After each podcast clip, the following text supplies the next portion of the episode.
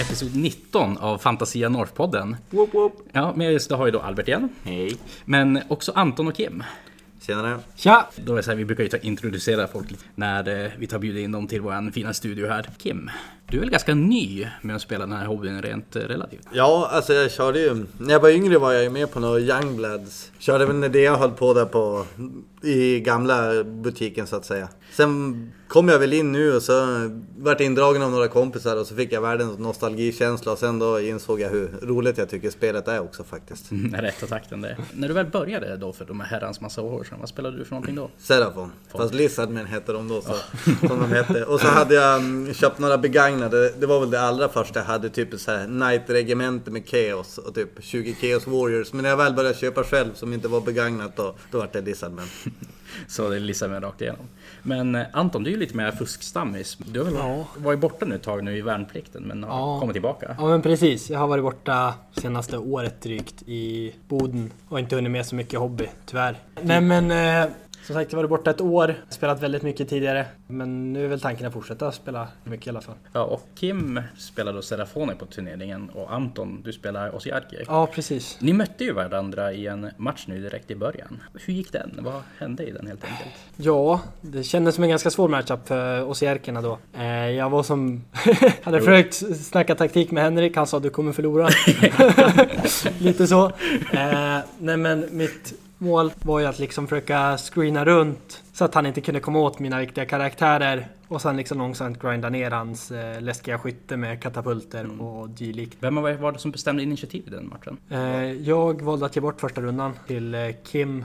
Och vad tänkte du då Kim när du såg den här uppscreenade Osiarka-armén och du tvungen att ta för den? Allting såg väldigt bra ut. Men det var en grej som hände. Det var ju att eh, Anton pratade mycket om att jag inte skulle komma bakom på deep striken. Och så, men vi pratade och hade trevligt under tiden så då var det väl kanske just att han missade precis att jag fick in min salamandergrupp och min kameleontgrupp. Och fick då in och döda Arkan på en gång. Och det var, väl, det, var, det var väl väldigt viktigt för matchen. För sen hur det fortsatte var väl egentligen så att Anton pressade in och ändå gjorde det väldigt svårt med tanke på matchup och så, så gjorde det otroligt svårt för mig att någon gång som få något riktigt. Jag har aldrig haft så lite, lite units kvar som, som den där matchen. Så att 17-3 var verkligen, ja det känns som att det var tur för mig. Att det, det kunde lika gärna stå 10-10 med tanke på hur bordet såg ut. Så att, Så Anton, du får helt enkelt lov att screena bättre. Ja men precis, det är jobbigt att tappa Arkan under ett, även om jag kunde hämnas och döda alla kameleonter och det är ju likt ganska snabbt på. Men mm. Arkan är en så vital pjäs i min armé att det är väldigt stor förlust. Nu har det gått två matcher i rad där jag tappat han direkt. Och Kim, du har väl, hade du en Bastiladon i din armé eller? jag har ingen Bastiladon i Nej. min armé.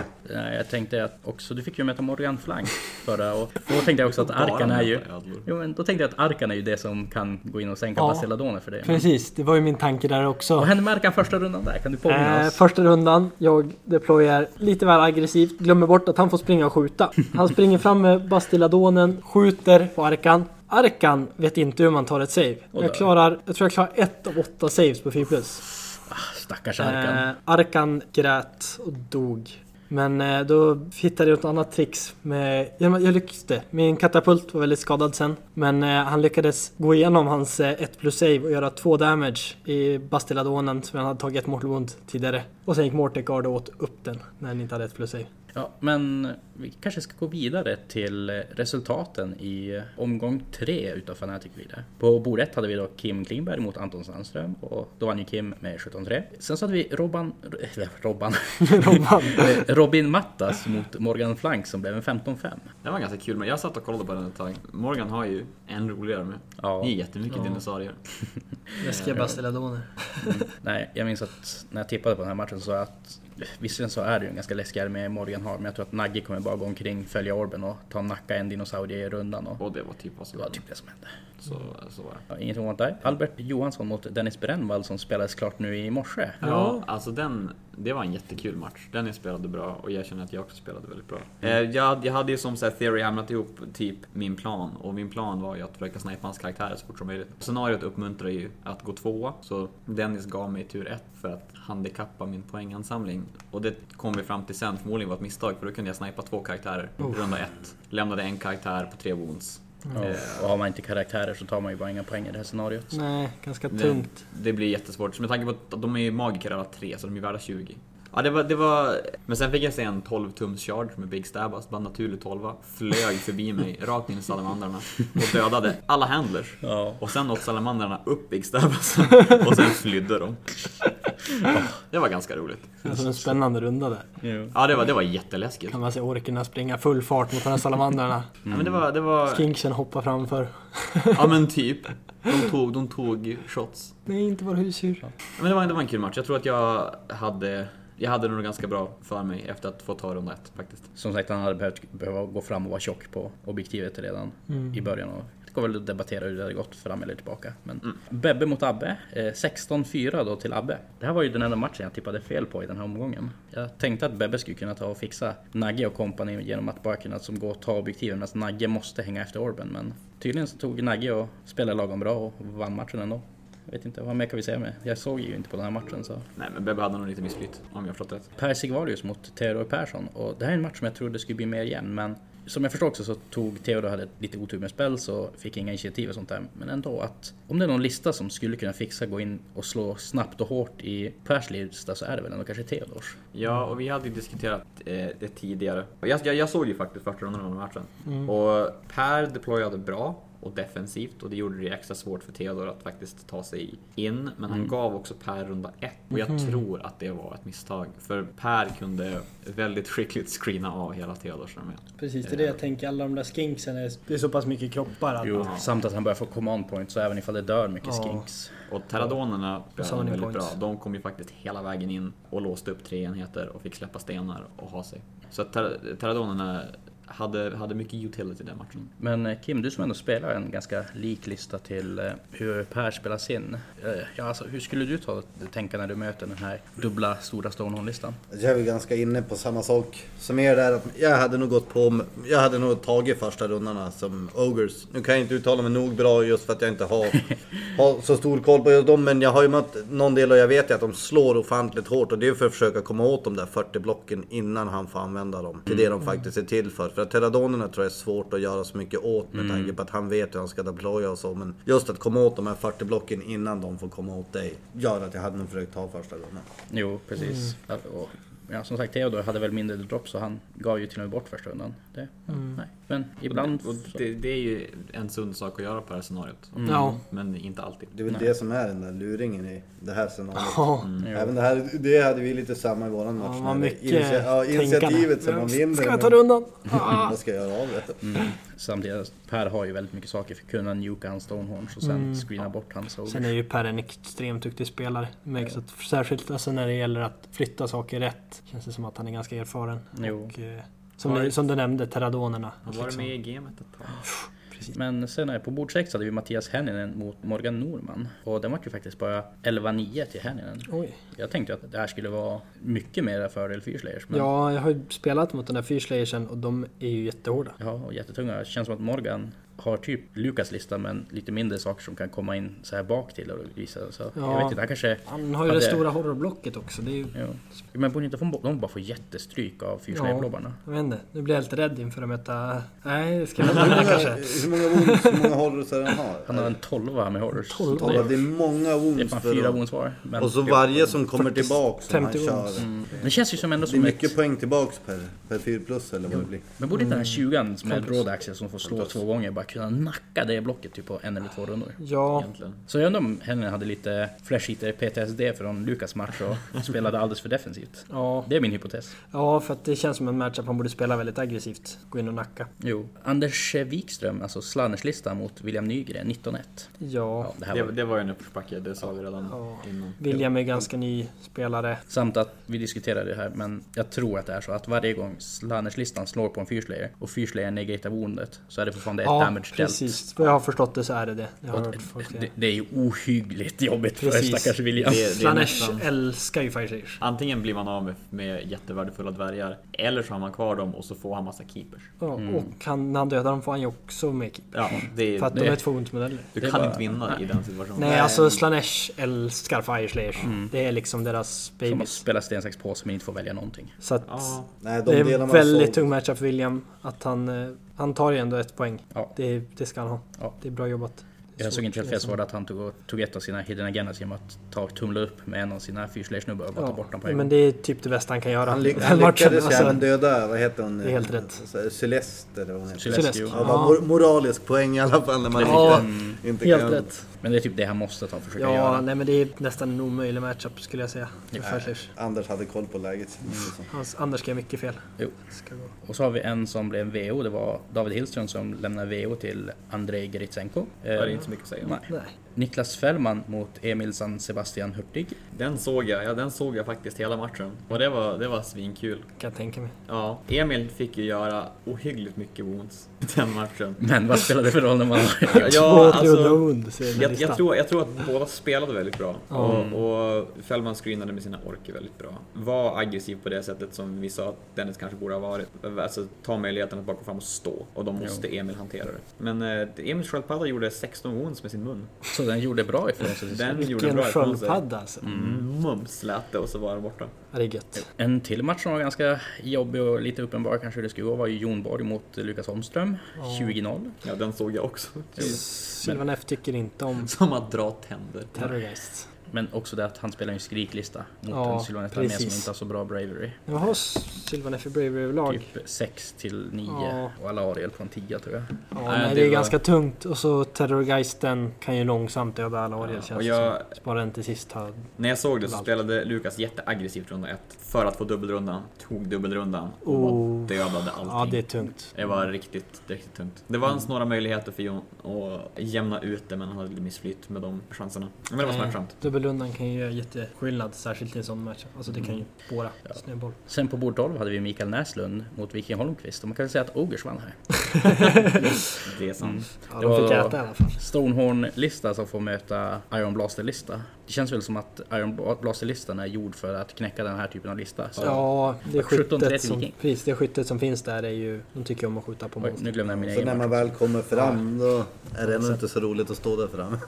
Nej, Mm. Ja, nej. det, är- det, är är- Micke ska ju ha att han tog tre poäng ändå. Svår matchup. Han tog sina hiddens antar jag. Nej, sen så glömde jag nämna min match också på bord 11. Tyvärr så blev jag tvungen att lämna walkover min för jag tog ju och bokade match med Alexis på torsdag. På tisdag blir en person i mitt hushåll sjuk och då tänker jag att nej, jag får väl lov att ställa in. Men jag tror att förmodligen Alexis hade varit okej med att spela nästa torsdag istället. Men då hade jag redan hunnit boka upp mig med annat för både soulbound och spela mot Micke en sväng. Så nej, det blev helt enkelt en walkover här för mig. Man kan ju faktiskt ta en walkover om man beter sig sunt i en pandemi. Jo, Ja. Moralisk seger. nej men det är jättesynd. Jag var taggad på att spela mot Alexis också. Vi ska ju spela nu på torsdag istället och Mm. få ha en liten... Då får ni en match i alla fall. Då får vi en ja, match. men precis. Jo. Och så hade vi Edvin Stilldal som fick en baj på bord 14.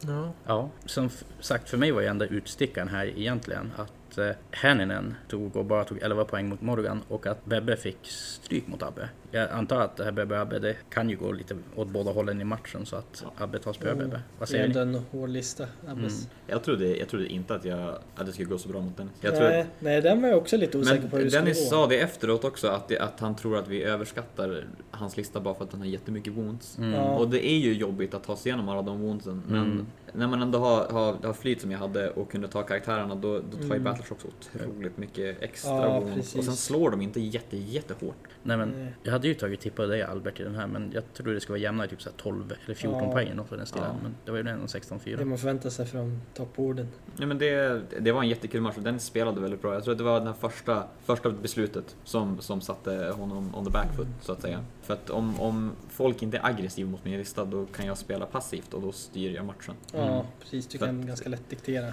Ja, precis. Om jag får möjlighet att eh, välja och vraka, då, då kommer jag göra mycket skada. Det är som oundvikligt. Men om, om han är jätteaggressiv och kommer in i mig i runda ett, då måste jag hantera det som är uppe i mitt ansikte innan jag kan börja mer precis plocka av mål. Ja, nej. Men vidare då till nästa omgång, omgång fyra och det är då vi ska spela Three Places of Arcane Power, vilket är scenariot när det är tre stycken objektiv på, längs mittlinjen som karaktärer håller inom tre. Ja. Och för varje runda karaktären håller den så blir den värd ett poäng mer. Mm. Precis, och det är ju en sned mittlinje då och sned deployment. Mycket sneda Eller 24 emellan va? Ja, 24 mellan. Det är en spännande, spännande Mm. scenario. Jo, jag och Anton spelade idag och han fick så jävla mycket... s- Nej. Eh, tydligen så, så är det en fördel att vinna initiativ någon gång. Önskar jag visste du kände. Vi säger väl det, vi säger väl det. Nej. På bord ett i alla fall har vi då Abbe mot Anders. Och det här känner jag kommer vara en ganska spännande match. Det här För. är spännande. Jag kan Ja. inte på rak arm tippa vem som... För alltså såhär, man tänker ju att en Oscar-lista verkligen ska tycka om det här scenariot. För att de har stenhårda karaktärer som bara ställer sig där och sen flyttar Mm. man Ja, inte på dem. fast du har ändå ganska många små karaktärer. Jo, fast inte i Abbes lista. Nej, i och för sig. Jag känner ju att om det är någon lista som har tillgång till att kunna sänka just den här typen av naggelista så är det ju din lista Kim, men också Anders. För säg att han får in så här en eller två keepers i nagge som slår dubbelt och ja, nu behöver ju nagge inte upp i sin teleport spell shenanigans, men han, han kan slå lagom hårt för att kunna ta ner nagge. Absolut. Och sen har ju... Anders har ju också jättemycket keepers. Och de är ju också ganska bra på att bara stå Mm. på ett objektiv och döda allt som kommer nära. En liten nackdel för Abbe då är att han har ju bara tre karaktärer. Ja, Han man har ju måste tre ju lägga objektiv. en på Dör varje. en karaktär så blir det ju en- ett stort glapp direkt. Mm. Eh, Det enda jag tänker för Anders, det är, hur är det med hans de- deprived typ när Mortegardsen, nu har jag ju inte så många men de har ett wound visst är det så? Ja, precis. Ja, så att han kommer inte generera poäng av Morticards utan det är ju när han slår på Nagge typ. ja, Men om- eh, Nagge och de andra karaktärerna. Så att det kanske är lite svårt för honom att generera mycket i den Men om, matchupen. eh, om Mortegardsen tar sina spöksaves. Jaha, Ja. på sexor. Men det jag tänker kommer hända är att han går in med en keeper på Nagge. Slår så här så att hans klor gör mo- typ fem mortal wounds eller vad det är. Mm. Och så tar Nagge och negerar woundsen på sig själv. Han får depravity. Och så tar han och bouncear tillbaka skada på hans keeper. Får mer depravity. Ja. Och så kommer det fram Ja. nya keepers. Jaha, kan ta fram. du- ja just det, han får där om... eh, Ja, Ja, precis. då är det ju Eh, problem solved. Sen, sen tror jag att Mortecard tycker inte om keepers. Nej.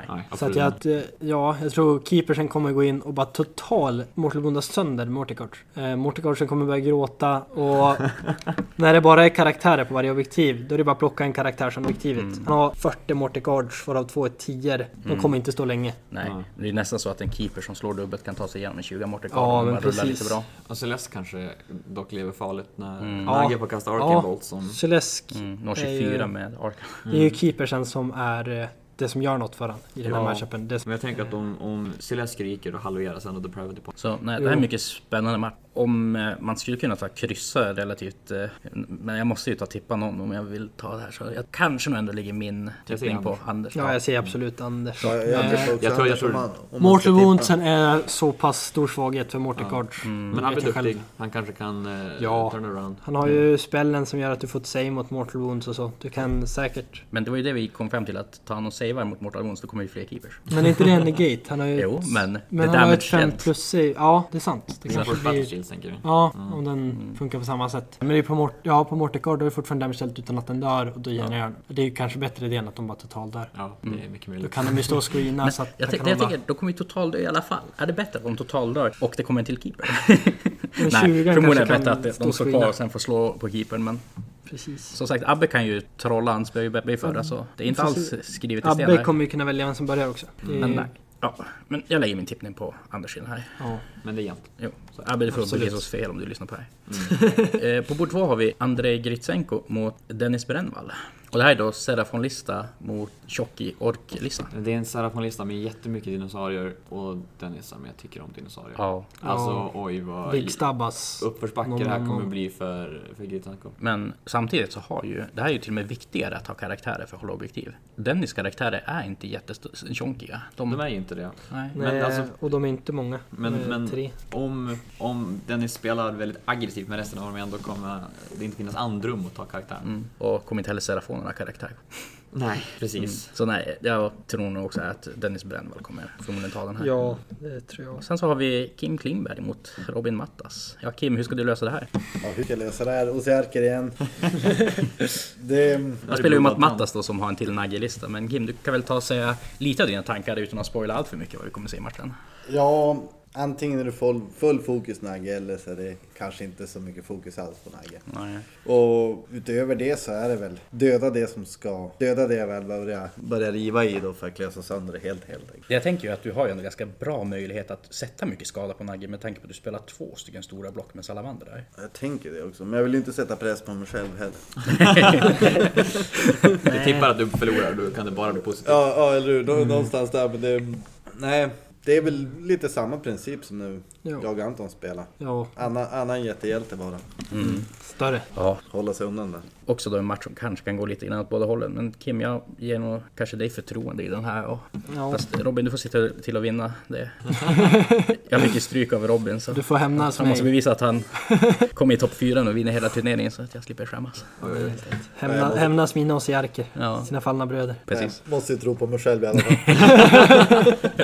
Jag tror på dig, Serafon Bros. Sådär. Då tar jag Robin när jag behöver. Yes. Sen så har vi en till spännande match som är eh, Morgan Norman mot Anton Sandström. Och det är då f- en ganska tung horror flash kortlista mot din Osiarke, Anton. Ja, det är en jäkla massa horrors. But you're not afraid of anyone. Nej men precis. Bravery 10, immun mot battle shock. Jag är, jag är ganska modig. Inte jag rädd. Han har ju lite tricks med sin blisterskin. Lite teleporteringsgrejer. Det, det är läskigt. Men man gör inte det misstaget två gånger. Nej, jag hoppas inte det i alla fall. Man vet ju inte. Det här är en annan typ av teleportering än... eh, Vad har han för möjlighet att trycka ut Mortal Wounds och sådär tänker jag också. Grejen är att han har typ. ju, han har ju Mortal Wounds i sin skyttefas, men de skjuter mot Bravery och jag Mm. har Bravery 10. Så att det är inte så läskigt, utan det läskiga där är ju Terrorgeisten som på 6 to hit med sin eh, bitattack gör 6 Mortal Wounds rakt av. Och det är Mortal. ja. Ja, precis. Och han lär ju slå... Han lär ju extra attacker på den och så slår han två gånger och så har han reroll to hit. Och han kan rerolla alla träffar. Han kan göra sina egna träffar också om man Ja. bara vill göra Mortal Wounds istället. Precis. Däremot så har han ju Rent 2 så att... Nej, just Terrorgeisten är läskig och Mm. teleporteringsgrejen. Men jag känner ju att både dina stalkers och din katapult är jättebra svar just på att Ja, Terrorgeisen går in, sänker skiten ur ett Mortec guardblock och sen så tar dina stalkers eller katapulten och bara men fixar det precis. Jag spelade ju mot Lukas lista i en vänskapsmatch då. Och eh, det var ju precis det som hände. Terrorgeisten åt upp en eh, 10 eller en 20 Morticards. Och sen gick mina stalkers med valde extra rend, extra damage och bara sänkte den där Terrorgeisten. hela. Jag måste ändå säga att dina stalkers har presterat i matchen Ja, jag har sett dem. Jag är ja. helt imponerad på det. Jag, jag, blir, jag blir imponerad varje gång. Alltså, Det här är ju listan som vi tog upp och pratade fram nu när du började Ja. spela Osiarker. Och enda skillnaden är att du spelar stalkers istället för en till katapult. ja, Men tack. de gör fan jobb Men ifrån precis. sig. Jag har aldrig de åt ju hunnit- upp både salamanderenheten och kaminen. Ja, de åt ju ja. upp mycket mer än sina poäng i våra Precis, matcher. jag har ju köpt, jag har ju börjat hunnit köpa en till katapult så att då blev det en, eh, en trea stalkers. Eh, Mm. men, ja, men som sagt när jag spelade mot Kim då dödade de eh, salamanderenheten därefter kameleontenheten. När jag spelade mot Henrik idag då dödade vi räknade, de dödade 400 poäng utan att själva ta ett enda skada. Grejen är Mm. Men att jag känner Gorgon att... fick återigen inte göra Ja. någonting. Nej men de går in och sänker någonting och sen är de oftast lite väl långt ur position för att göra något mer Mm. under matchen. Men de har ändå gjort sina poäng. Men jag känner att de är snabba, de har liten footprint och så slår de så här typ ganska lagom hårt. Ja men precis. Så en de... trea är fan ganska skapligt. Ja, särskilt när vi ger dem eh, plus ett hit och extra attacker blir det en väldigt hård enhet. Och sen så, om någon av er spelar det här storsvärdet, men jag inser att när man ger en extra attack och extra rend på den, då har du helt plötsligt ett fyra attacker, rend, vad blir det, rend 3 eller f- rend, den har rend 2 i grund. Så, Så att du rend får tre, rend 4 om, om du du ger vill. extra rend. Så du kan rend 4 attack med damage 3. Det slår ganska hårt. Ja, precis. Det är tur att man har basterat 3 plus 3 plus liksom. Då, den gör ont när den går igenom. Jobbigt när folk slår dubbel sexa på saven mot den. Det har jag varit med om. Nej men sen mot, har vi på bord 5 Emil San Sebastian Hurtig mot William Nygren. Mm. Oh, Klasskamrater mot Ja. varandra. Ja, det är kul att se. Emil är ändå väldigt erfaren. Han har ju- han har ju styrt de här äh, alverna nu Ja. ett bra tag. Och William spelar väl med Emils figurer? Ja, jag, jag tänkte det, jag har hört något rykte om att det är väl hans gamla dvärgar. Precis. Så jag Så måste att- nog ge kanske fördel till Emil i den här matchen. Ja, visst. De har ändrats mycket sen Emil spelade med dem. Men jag tror ändå Emil har väldigt bra Mm. koll på dem och betydligt mer erfaren. Jo. Om du hör oss William, äg Emil. Ja, det hade varit kul. En upset victory här. Jag, jag, jag skulle vilja se en fight där mellan sköldpaddan och magmadroffen. Faktiskt. Ganska episkt. Magmadroffen kommer upp där ur lavan och flygande sköldpadda som försöker spruta vatten. Mm. På bord 6 då har vi Albert Johansson mot eh, Per Sigvalius. Serafon mot Serafon. Och Albert, jag känner ju att din lista ändå har Alpha Striking nog för att kunna gå in i Pers. Så är det nog. Ja, men samma princip som, som alla andra mina matcher gäller väl här. Jag vill spela, jag vill spela eh, passivt, välja mina mål. Låter som en bra idé. Får se hur den går. Jag kanske ändå skulle lägga mina pengar på dig i den här, Albert. Jag har ju ett sweet tech som jag pratade med, med Per om när jag tittade på matchen mot Theodor och det är att om man plockar salamandarna först har man mer eh, wounds kvar för att hålla objektiv. Ja. Det är faktiskt sant. Men Alltså, det, Bra är, ju- att- det är otroligt dumt Men det, egentligen. gör du, ju- det kan du inte göra i den här matchen. Det är vissa så här faktorer som känns som att det kommer bli jätteviktiga i den här matchen. Här är teleporten, Celestine points, Dina, att du reglerar skadan, att du faktiskt kanske har magiövertag. Mm. Väldigt intressant. Jag tror faktiskt, eh, magiövertag har jag. Ja, det har du. Han har fler trollkarlar men jag har ju bett bättre cast. Och så har du scaly skin också på dina pojkar. Så du är lite tankigare, du kanske kastar lite bättre. Men hur mycket har han som är... Du det har är- rangen också i och med att han... Det är väl typ bara salamandrarna som har mer damage än ett faktiskt. Så att Ja, just det, ja. det, blir, det är inte jättehigh... Det, alltså, det är inte Det är ju lika high value Pteradonerna, liksom. som- D3orna där. Du har några stycken. Just Mm. Mortal Wound-grejerna som är... Ja men Mortal Wounds hjälper ska inte mot Scaly, eller Scaly Skin hjälper inte mot Mortal Wounds. Nej, För att eh, de har ju ingen damage. nej precis. Men, Per har ju mycket skinks. De slår ju hårt. Men han har- mycket han har ju en skink. damage. Ja precis. Han har jättemycket en damage grejer och de sakerna som inte är en damage är Mortal Wounds. Så att det Mm, hjälper precis. inte. Det är bara salamandrarna som... Ja. Men de kan ju, alltså det kan ju rädda en. Faktiskt. Det Kan Ja, nej, jag trodde det var på Mortal Dina salamandrar är fightigare än hans salamandrar. Mina salamandrar är fightigare. De kan ju faktiskt som mest slå 15 salamanderattacker. Det är läskebbet. Ja, Det är på riktigt jätteläskigt. Sen har vi en till Serafon Matchup, eh, Legion of Grief i form av eh, Bebbe mot Morgan Flank. Om jag skulle tippa hur den här matchen skulle gå så skulle kommer Morgan ta och köra över Bebbes armé precis i början. Men sen där någonstans kring runda tre kommer allting tillbaka. Ja, Ja, be- det är scenen helt enkelt när Gandalf kommer med och med över kullen. Det är ju Bebbes playstyle. ja, och Morgan har ju en armé som kan göra ganska mycket damage ganska fort. Mm. Mm. Eh, Det har jag ju själv fått smaka på. Men Bastelladonen skjuter ju hårt och kommer säkert plocka en del saker. Men plockar han inte rätt saker, då kommer det tillbaka. Och han kanske inte ens kan plocka rätt saker. Med stor Nej, chans. alltså eh, Benjamin behöver inte ta sin general på plan. Han Nej. kan, han kan ju droppa in den, Arlan site, när han behöver och sen bara ta tillbaka alla enheter. Precis. Sen egna scales på den också så man vill inte vara Hur många jätterädd hjältar för är plock. det Bebbe har? Oj, Fyra. fyra. Ja. För att det, det- det är hans general, det är en Knight of Shrouds, det är en lyktgubbe, det är en Ica-kasse. Och det är Kurdos Valentian Och också. det är Kurdos i fem karaktärer. Ja. Ja. Ja, Jaha, Kurtos jag håller snor väl med come on också. points också. Mm. Han gör ju det. Det kan ju vara väldigt trevligt mot serafoner. Jo, Fast de genererar ju extra, det är inte att... Ja, i och för sig. Han Men du, hur kanske inte får många, så fattigt. har han bara, hur många Se, han, har, Battalions har han har han? Mm. ännu fler karaktärer. Morgan? va? Bebbe har sex karaktärer. Han har ingen tror jag. Nej. Morgan har ingen. Han köpt något command point. Eh, jag vet inte. Han Men... har Då sex kan de karaktärer. bli ganska dyra annars. Sex karaktärer. Ja, Raikenor. Ja, just det. Så Right behöver away. alla karaktärer I hela världen. i hela Ja. världen. Ja. Mm. Det gör ju också att eh, Morgan kommer ju få välja vem som börjar tror jag. Just det, det är två T-blade. Bebbe har ju, om jag räknat rätt, 43 drops. Något sånt. ja. Det blir ju väldigt... Är du säker på inte 44? Ah, jag vet, ni har inte listan framför mig. Nej. 13. Nej, men eh, Kollar du In ut mig här? reality. In...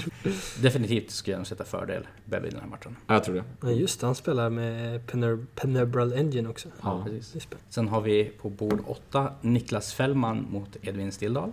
Mm. Jag tror att kanske ändå Niklas tar vinner den här för han Ja. har så pass mycket saker på bordet och Edvin är ganska ny spelare fortfarande. Det är så mycket wounds i Niklas här med. Så Det är så Niklas- jobbigt att tugga igenom. Niklas har spelat korn också tidigare. va? Jo. Han har Jo, spelat länge. han har svinkoll på korn. Det skulle inte förvåna mig om han faktiskt lånar ut figurer till Edvin för den här matchen. Nej, Nej, just det. Så eh, att, inte alls. det är lite samma med dvärgarna där. Att Ja, precis. Men det är, de kommer ha kul i alla fall. Mm. Det är bra att Edvin får spela. Han fick ju inte det sist.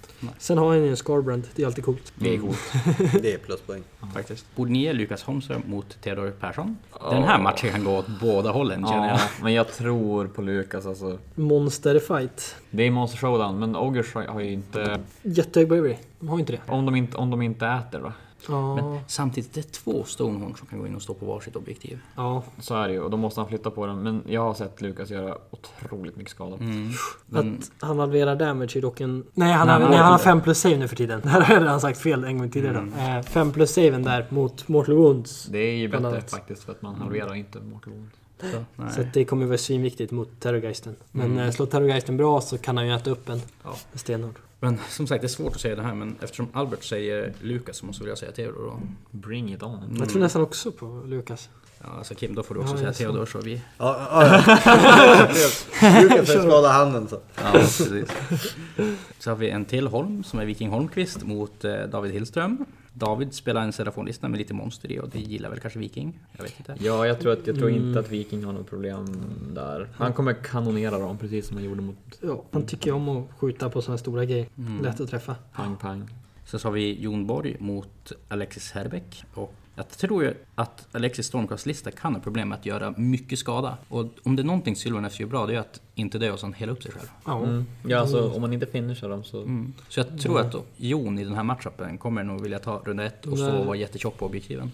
Ja. Och se till att Stormcast-draken inte hinner gå och ställa sig på ett objektiv innan han Det har är väl hunnit liksom- ta bestämma Eh, Det sig. är också, draken är fi, fint att hålla objekten eh. här. Ja, Det alltså, är liksom evocatorsen i Alexis lista som är det stora hotet känns det som. För det är de som gör ont på riktigt. Och kometen.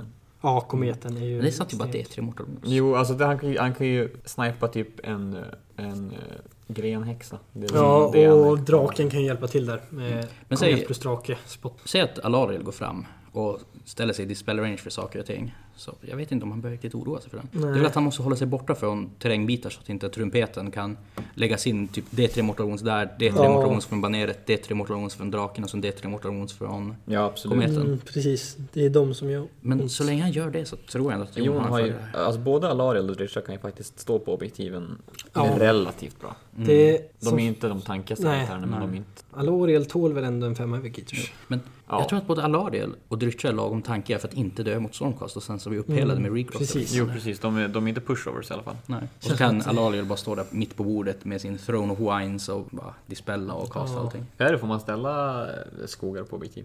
Jag är osäker, men jag tror, tror det får ett inringat objektiv, för ingenting av basen är ju innanför 3 tummar objektiv. då. Säkert. Jag vet inte. Eller är det en tumme i för Nej, jag objektivet vet nu för inte. tiden? Skogarna är skumma. De är skumma. Alltid varit. Nej, och sen så här på sämsta bordet har vi då en, ja, Henrik Gunillasson. Hörde inte riktigt. Henrik Gunillasson då mot Mikael Näslund. Ja, Jag tycker att det är eh, onödigt moraliserande att säga sämsta. Ja. men Det är ju sämsta bordet. Nej, Du det är väl inget fel på det poängmarginaliserad. bordet. ja. Nej. men det, Ja, vad har du att säga Henrik? ja, nej. Det är ogers. Pang pang. Mm. Skjut dem. Ja, Faktiskt. Det... Jag tror att gör Micke runda ett så har han en screen att springa in i. Tar jag och får, eller Micke kommer få be- mellan, tar han runda ett kommer han springa in i en screen och sen kommer jag få skjuta på honom. Tar han och ger mig runda ett så kommer jag få hoppa fram och skjuta på honom. Så, Mm. Alltså vänta bara nu när han ger dig runda ett, du flunkar, han tar dubbelrundan och äter upp dig. ja. Ja, nej men vi såg ju förra matchen också, Micke hade problem mot kanoner och här kommer det kanoner igen. Så att jag, tror, jag tror tyvärr det är en tuff Jo. matchup för Micke. Jag tror förmodligen att jag kommer kunna ta och sänka två av hans stonehorns innan han e- egentligen hinner använda dem. Och så, så är det bara tankhornen kvar. Nu jinxar du dig själv. Mm, jag vet men det... Jag ser Så det fram kan emot gå. att se Micke spela skiten nu. Gotta be bold. Fan, fan vad alla är anti mig nu. Du har väl väldigt bra koll på den där listan också? Mickes lista så att säga. Den är väldigt lik Theodors lista. Jag- Ja. Det är mitt sätt att spela Ogers på helt enkelt. Så. Det var kanske allt vi ville ta och prata igenom. Är det någon eh, liten eh, snilleblixt ni vill lägga till på den här episoden? Någon iakttagelse? Nej, jag tror inte det. Mm. Alltså det, Svårt att komma på nu i efterhand också. vi ses på finalbordet antar Inte jag då. jag. inte du. Nej men mitt mål är i alla fall att ta mig över skamgränsen så det två Ja. stycken bra vinster så. vi- jag ska skulle vi- ska behöva vi- vinna lite för att ta mig upp, men jag, ja, jag kan. Ja. Det är, inte- du är inte arvet. Ska vi se tre sarafonlistor då i slutturneringen? Du och jag Per. Ja, jag tror det. Jag, tror, jag tror nästan fyra. Jag flöt bara med på det. Just det, eh, jag, som jag förstår också så tar Mattias Henning och droppar ur turneringen. Ja, Mm. han... eh, Har blivit coronasjuk så han Ja. Ja, kan inte fortsätta. Det- Best wishes to my boy. precis. Ja, verkligen. Krya, krya på dig. Ja, så vad kan vi säga? Håll er friska och sen så ses vi nästa omgång. Ja. Tack för idag. Ha det, ha det. Yes, det där var då Age of Sigmar och en liten disclaimer innan vi fortsätter innan 40K. Det är att det har blivit lite fel på Alexis Herbecks och min matchresultatrapportering. Ehm, Ja, av någon anledning har programmet som normalt sett inte ska kunna lotta en ny omgång om inte alla har rapporterat sina resultat. Har ändå plockat upp 0-0 mellan er och så lottat så att Alexis har 0 poäng istället för 20 poäng. Så vad vi gör är att vi låter lottningen ligga kvar eftersom ni har ju poddat så snyggt om det och det var jättedumt att göra om det. Och så sen ger vi Alexis 20 poäng i efterhand. Det spelar inte så himla stor roll. Han får möta Jon så att han blir ju nerparad något det grövsta. Och båda ligger ju ändå inte och Ja. tävlar om topp fyran så att vi tänker att det stökar till ännu mer om vi skulle göra om allting. jo, då har vi bytt eh, folk här i studion som ni kanske har märkt. Det är då jag, Dea och Jon Borg igen som ska ta och prata igenom 40K-omgången. Tjena! Hej. Jag tänkte just varför möter jag Alexis? Nej men alltså det är jättekonstigt för den, ibland vet jag på Fnaticen när folk rapporterar resultat att den, va, det kommer på, träff- den tar inte upp resultatet, det står som 0-0. Mm. Men då när vi försöker lotta då säger den att någon match är inte Mm. färdig och därför kan vi inte lotta omgången. Men nu har den då inte tagit upp resultatet men den har ändå lottat omgången. Jättekonstigt. Och båda med noll poäng, vilket gör att nej, det Mm. ska inte gå egentligen. Det, det är någonting Men jag där tänkte just att det programmet stod borde 0 gilla mer Mm. och mer. Det stod 0-0, så jag, tän- jag, när jag såg det då t- tolkade jag det som att ni har inte spelat och det var bådas fel. Men det sjuka är att vi har ju väl haft sådär äh, tidigare. Just att kunna ge 0-0 till två spelare som inte har dykt upp båda två. Men det har vi inte kunnat göra. Ja men eh, resultat då i 40K. Ja, vad säger du? Ska vi börja längst ner och gå uppåt eller? Ja, kan vi göra om du vill. vi har Jakob Ekman mot eh, Lars Elbom som blev en 16-4. Ja, precis. Och då ska vi säga det att Lars Elborn har hoppat av och ersatts med Emil Bergmark istället. Och det är väl egentligen för att Lars lämnade två VO-matcher i rad och skulle väl egentligen behövt lämna VO på den här också som vi tog in en annan spelare istället. Ja, okej. Så att det, det får spelas matcher. Och det där, jag var faktiskt, jag kom precis i slutet på den där matchen och det såg ut att vara en riktig holmgång. Det, de hade spelat väldigt, väldigt, väldigt länge. Och det lät som att det var ruskigt jämnt hela vägen, men jag har inte några jättemycket detaljer om den. Det är en, eh, Jakob spelar ju en Astra Militarum armé och La, Lars Emil. Emil spelar en Nurgle Sinch armé. Han har Sinch Terminators, han spelar, oj, Plagueburst Crawlers. eh, Och lite sådana grejer. Så den, den, men den, den, klart den kommer inte påverka så mycket längre upp heller.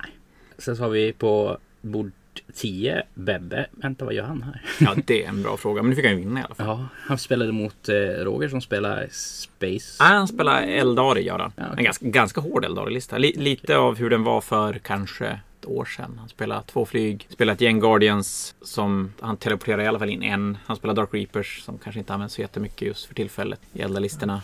Och det där blev nog kanske lite jämnare än vad Bebbe hade tänkt ändå. Jag hörde han skrika mycket från bordet. Det var en Eldar Ranger som inte dog. Ja, men just det, det var den matchen. Ja, men precis. Han skjuter ihjäl fyra Ella Rangers, lämnar en kvar som står på ett av objektiven. Och i det scenariot så var det ju bara trupp som kunde hålla. Så han skjuter, nu ska vi se om jag får det här rätt, han sköt två vänder Vivern på den. Han, och då stod den här Rangern inte i cover heller, så att två, två vänder Vivern på den. Han sköt en Valkyra på den. Han gick ner i hover mode med Valkyran och spenderade, de har någon strategi som gör att man kan charge med Valkyran och träffa 2 plus onda 2 plus, typ ramma med den. Och den överlevde alltihop. Då lät det kan jag U- säga. Mm. Utan cover? Ja, ja, den stod inte ens i cover. Mm. Det låter ju orimligt. Det är mycket 5 och 6 save kan vi säga. Det är Jättemycket 5 och 6 save Mm. är det. Så att, och det hade ju visst tankat rätt mycket poäng där. För det gör ju att får man inte hold more till exempel, då, ja, då plockar man inte så mycket poäng i scenariot. Ändå en ganska skaplig vinst åt Bebbe där. Ja, skönt att få poängen i alla fall. Eh, Tobias Håkansson mot Jon Borg. Jon, Ja, det du gick spelar ju bra. mot Orker har jag för mig där. Ja, det gick ju bra. Jo. Custodes mot orker. En ganska vettig matchup. Ja, det, det brukar gå... Jag brukar säga att det går bra mot orker. I allmänhet med Custodes. för Men du att var de- mer segervis. Vad säger du? Du var mer segervis. Ja, jo, men eh, jag måste ju erkänna att jag spelar ju lite kast. Ja, du Eh, har men- ett och sen- objektiv. Eh, och sen räddades det lite grann av att Tobias spelade eh, lite kast också. Men tillsammans.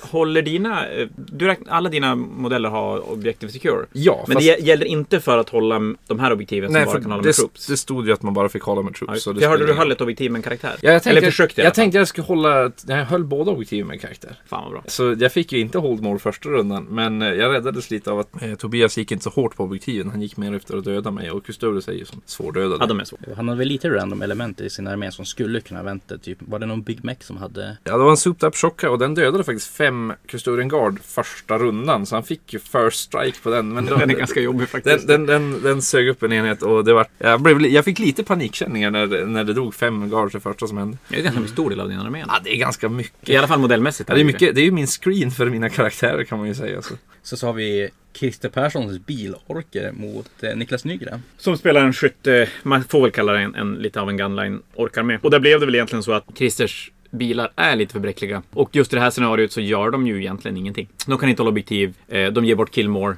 jättelätt. Så det som gjorde att det här inte drog iväg ordentligt, det var att Christer blev wipad ganska tidigt. Så, och han hade, vad som hände var att Christer dödade Niklas troops. Niklas wipar Christer. Vilket gör att Niklas kan inte hålla objektiv under matchen, så han kan inte få hold more. Och han kan inte döda någonting, så han kan inte få kill more heller, för han har redan dödat allting. Så att han tar dem i början, sen tar han objektiven i slutet av matchen och vinner. Där, och där lite skulle hem han definitivt ha sparat någon bil bara för Ja. ja, men det är sena ju ett sånt rundor. scenario. Ja. Mm. Kommer till min match senare, att- att det är ett litet sånt scenario. Att man, man, det är bara med dåligt om man wipar för tidigt. Ja, döda sämre helt enkelt. Måste spela sämre, eller kanske bättre. Sen så har vi Simon Ingvarsson mot eh, Marcus Dageryd. Och här är en 20-0. Jag Ja, antar att det är en walkover. Det är en walkover. Är det. Så Marcus var tvungen att lämna walkover. Så att det, det stökar ju till det lite grann i topplottningen kan vi säga. Sen eh, Harry Brager mot Andrei Gritsenko. Nu skickar ut Harry plocka, plocka poäng. Ja, alltså 8 poäng. 8-12, det Det är är bra. inte helt dåligt. Eh, Och det är klart, Andrejs lista är ju förmodligen så dålig det bara går att vara på det här scenariot. För han har inga troop choices alls. Vad är det han spelar? Han spelar, han spelar Space Wolf, han spelar en Wolf, en femma Wolfen, han spelar Njal, han spelar...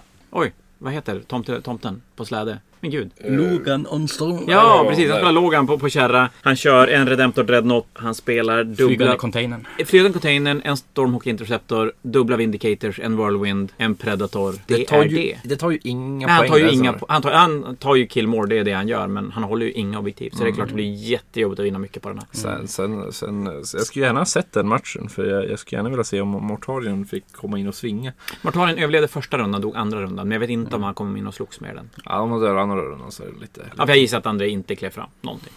Så har vi Sebastian Rubin mot Ingvar Widerlund. Där vart det eh, också en 0-20 så Också en VO-match. ja. Eftersom den är otroligt svårt att vinna 20-0 i det här scenariot. Faktiskt. Det är, det är vä- väldigt, väldigt tungt. Men nästa match, någon som nästan gjorde, det är ju Linus Karlsson mot eh, Joakim Landell. En 19-1. Ja, Linus spelar ju den Mortarion, Magnus, Lord of Skull-armén mot Jockes Drokari-lista. Ganska, ganska så här standard med mycket, mycket båtar, mycket gubbar. Och jag är lite förvånad att Det är det, så här här ändå stort. drog iväg. Ja, faktiskt. Jag, Linus har ju inte troops för att hålla mycket objektiv egentligen. Men men jag snackade med dem efter matchen och det lät som att Jocke inte lyckas döda någonting. Han hade gått all in på att försöka spränga Lord of Skulls men inte lyckas. Krävdes otroligt mycket för att repa lacken på den. Ja, okej. Och det gjorde väl att den fick gå in och rensa en del. Definitivt. Och sen har ju, vi får inte glömma bort, Linus har ju faktiskt en bataljon och jag tror han har, eller två... Det är Två en Nurgling-baser. enhet- Eller två Nur- Nurgling-enheter. Två Nurgling-enheter och en relativt stor Plaguebear-enhet. En 23 tror jag. Ja, vilket är ju absolut tillräckligt för att hålla objektiv. För Nurglings kan ju deploya längre fram. Mm. Så det är faktiskt möjligt att han kunde få objektiven tidigt och att efter... Och om man möter Linus lista så kanske inte de där Nurgle-demonerna är det första man tänker på när, när man vill skjuta. Jag tror att det blir lätt att man blir lurad av de stora sakerna och bara vill döda dem. Och det är klart, Killmore lär ju Linus ha fått varje runda. För Mm. ja. Drukari-listan har ju båtar och grejer precis överallt. Allting annat, ja. Men eh, det hade ju varit ganska värt, om möjligt. Det är ju inte alltid säkert att det är möjligt att se Nurglings, men att eh, spränga troops i det här scenariot är ju Ja, men det väldigt tror jag. bra. Det, ja, det tror jag definitivt. Att, och jag, jag undrar om inte att spela mot Linus. Man har säkerligen ganska nytta av att ha spelat en gång tidigare mot den armén. För att veta lite grann vad man ska hantera och, och vad man kan släppa och hur mycket krut man måste lägga på för att döda Lord of Skalsen eller Mortarion. Det tror jag definitivt. Sen var det Tau mot Tau, va? Den andra Nygren-brodern. Ja, och här satt jag också och kollade runda två och tre gjorde jag och har blivit briefad runda ett. Och det som hände här var att Marcus Tau, som, det, skillnaden i de här arméerna det är att Marcus spelar, han spelar praner, jag tror han spelar fem eller sex praner och så spelar han jättemycket drones. Där Patrik spelar tre broadsides och två större enheter drones istället. Och det som hände här det var att Marcus börjar och knäcker alla broadsides och alla drones runda ett. Så han tar ju bort en jättestor del av Patriks armé. Och sen blir det väl ändå klart mycket tajtare än vad det, vad det såg ut att vara. De lyckas i slutet lyckas de ta varandras slutobjektiv. Så Patrik kommer över på, på Marcus sida tar det objektivet. Och det är klart, lyckas man sno åt sig de här tre poängen som man får av det så är det ju, så blir det ganska jämnt. Sen har vi på tal om svårt att plocka poäng i matcher. På tal om jämna matcher. Mm. Ja men herrejösses. Viktor mot Dea. Ja, det var tungt. Det ska jag ärligt säga. att Nu ska jag väl inte säga att jag inte kan vinna. Men av alla arméer som, som står med på Fanatiken så är det nog faktiskt Viktors armé jag helst av allt inte vill möta. Och det var... Vi hade diskuterat lite innan och, och kommit fram till att om, den som, om, om Viktor får gå tvåa så kommer han att vinna mycket eller jättemycket. Får jag gå tvåa så kanske jag skulle kunna skrapa upp en to- 8-12, kanske en oavgjord i, i bästa fall. Jag fick inte gå tvåa. Och sen försöker jag spela jävligt defensivt för att försöka hålla objektiven. Men det, det funkar inte. Den, den armén är för, för mobil och stänger ner min magifas och skjuter alldeles, alldeles, alldeles för hårt. Nej, så att den, den, blev, nej, den blev så tung som jag egentligen hade förväntat mig. Det är väl så att hade den slutat... Den slutade i runda 6. Hade det blivit en runda 7 då hade jag nog plockat två eller alternativt tre poäng. Min, min Swarmlord gör en sån här sista supercharge in i hans Terminator-enhet. Inte paladiner utan de vanliga Terminatorsna. Och lyckas knäcka fem Terminators på chargen. Och hade det blivit en runda till då hade jag kunnat ta ett av slutobjektiven och fått lite extra poäng. Men nej, det, jag, jag kan inte säga så mycket. Och Viktor är ju fantastiskt duktig på att spela. Han gör ju inte, en, han gör inte många steg fel, så man får ju ingenting gratis. Allt. Så jag måste spela mot honom fler gånger och se om det faktiskt går. Jag spelade sjukt defensivt, ska försöka kanske testa att spela mer offensivt. Och sen på bordet så har vi Unari-alver mot eh, syster eller? Ja. I form av Alexander mot eh, Mikael. Ja, Mikael fortsätter ju gå som tåget med Eldari-listan som är ju superbra. Jag tror att här kanske det blir lite grann så att Alexander har spelat 40K lite lite på sista tiden. Både med en ny armé, en helt ny armé och mot en armé och en spelare som är jävligt duktig. Så att det är nog ganska lätt att göra lite fel prioriteringar. Och här också var det så att det var sista objektivet som gjorde att det inte drog iväg ännu mer. Det hade slutat, undrar om det slutade i runda fem tror jag.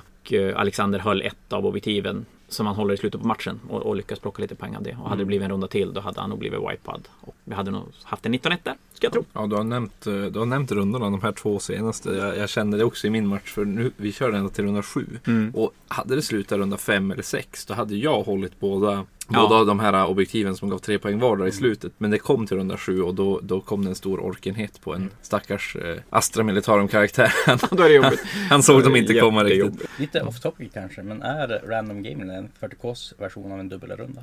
Kanske Ja, kan man Malmö säga tänkt så. Eh, när jag spelade mot eh, Tobias så nämnde han ju att de, eh, han tänkte att det var eh, sex eh, fasta rundor först. För att jag har hört, det är ju någonting man, eh, f- som flera turneringar brukar köra med. Jag tror lite felet blev att, jag är lite osäker på om vi spelade det på Fnatic tidigare, men jag tror framförallt så spelade de det i Prag när jag var och spelade. Och det är klart, jag pratar ganska mycket om det och lite grann om att vi har funderat på att stoppa in det på Fnaticen. Och det gjordes inte. Och jag, jag tror att många har lyssnat på mig innan som att det skulle bli så. Jag vet inte, jag...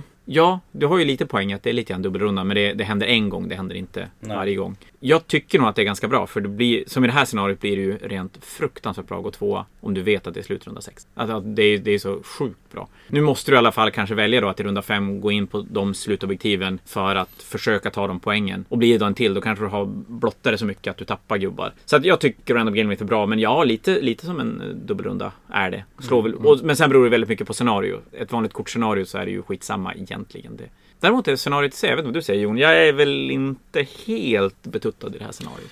I det här scenariot var det ju bra att gå tvåa. Ja, det var Eh, otroligt bra tvåa. Väldigt bra att gå tvåa. Och jag, jag gick tvåa. Och särskilt när terrängen ser ut som den gör. Nu ställer vi upp vår egen terräng, men om vi tänker hur du brukar. Du brukar ju kunna gömma dig. Så att Ja, det, man Rund- ska ju kunna gömma sig. Man ska kunna gömma sig vilket gör att, run- att gå tvåa är ganska bra i alla fall för att motståndaren får inte någon skyttefas. Och Nej, du man får, de, sist- man får deploya efter hur motståndarna ställt upp. Precis, och du får eh, också sista ordet när det gäller att ta många poäng. För Ja. många, poäng många poäng tar du ju i antingen start av turn när det gäller turn of Mm. war eller, eller start av battleground. Är det, eh, Ja. Tror jag. Så att du måste, så det är bra att gå tvåa och det här scenariot var ju superbra att gå tvåa. Mm. Så jag fick gå tvåa och jag kände ju redan där hade jag ett stort övertag. Ja, jag känner nog att när, när den tärningen var rullad i början så, så insåg jag att jag kommer inte kunna vinna det här. Det, det är bara att släppa det egentligen. Det, det och enda försöka ta någon poäng i alla fall. Det, det enda som är bra att gå etta i det här scenariot är om man har hundra stycken jag kan skjuta på dig fast jag inte ser ett dugg. Ja, och det är väl kanske inte det man vill att arméer ska börja ha. Det, det gör det ju ganska tråkigt. Precis, det är någonting som redan är bra. Ja, så att jag är lite lu- jag, jag tycker att man kanske ska titta på scenarion som inte alls premierar att gå tvåa i själva scenariot egentligen. Det är lite kul att vi har kommit dit med tanke på Ja. hur, bra, hur, bra, att- hur bra det var att gå först Att det en var gång så i tiden. otroligt. Men, men när man spelar med, som du säger, med så mycket terräng, så man kan gömma så mycket grejer, så vet jag inte om det är nödvändigt att premiera att det är bättre att gå tvåa i scenariomässigt. fakt- Men det är klart, det är bra att spela så här. Då får man en chans att nöta scenarion till en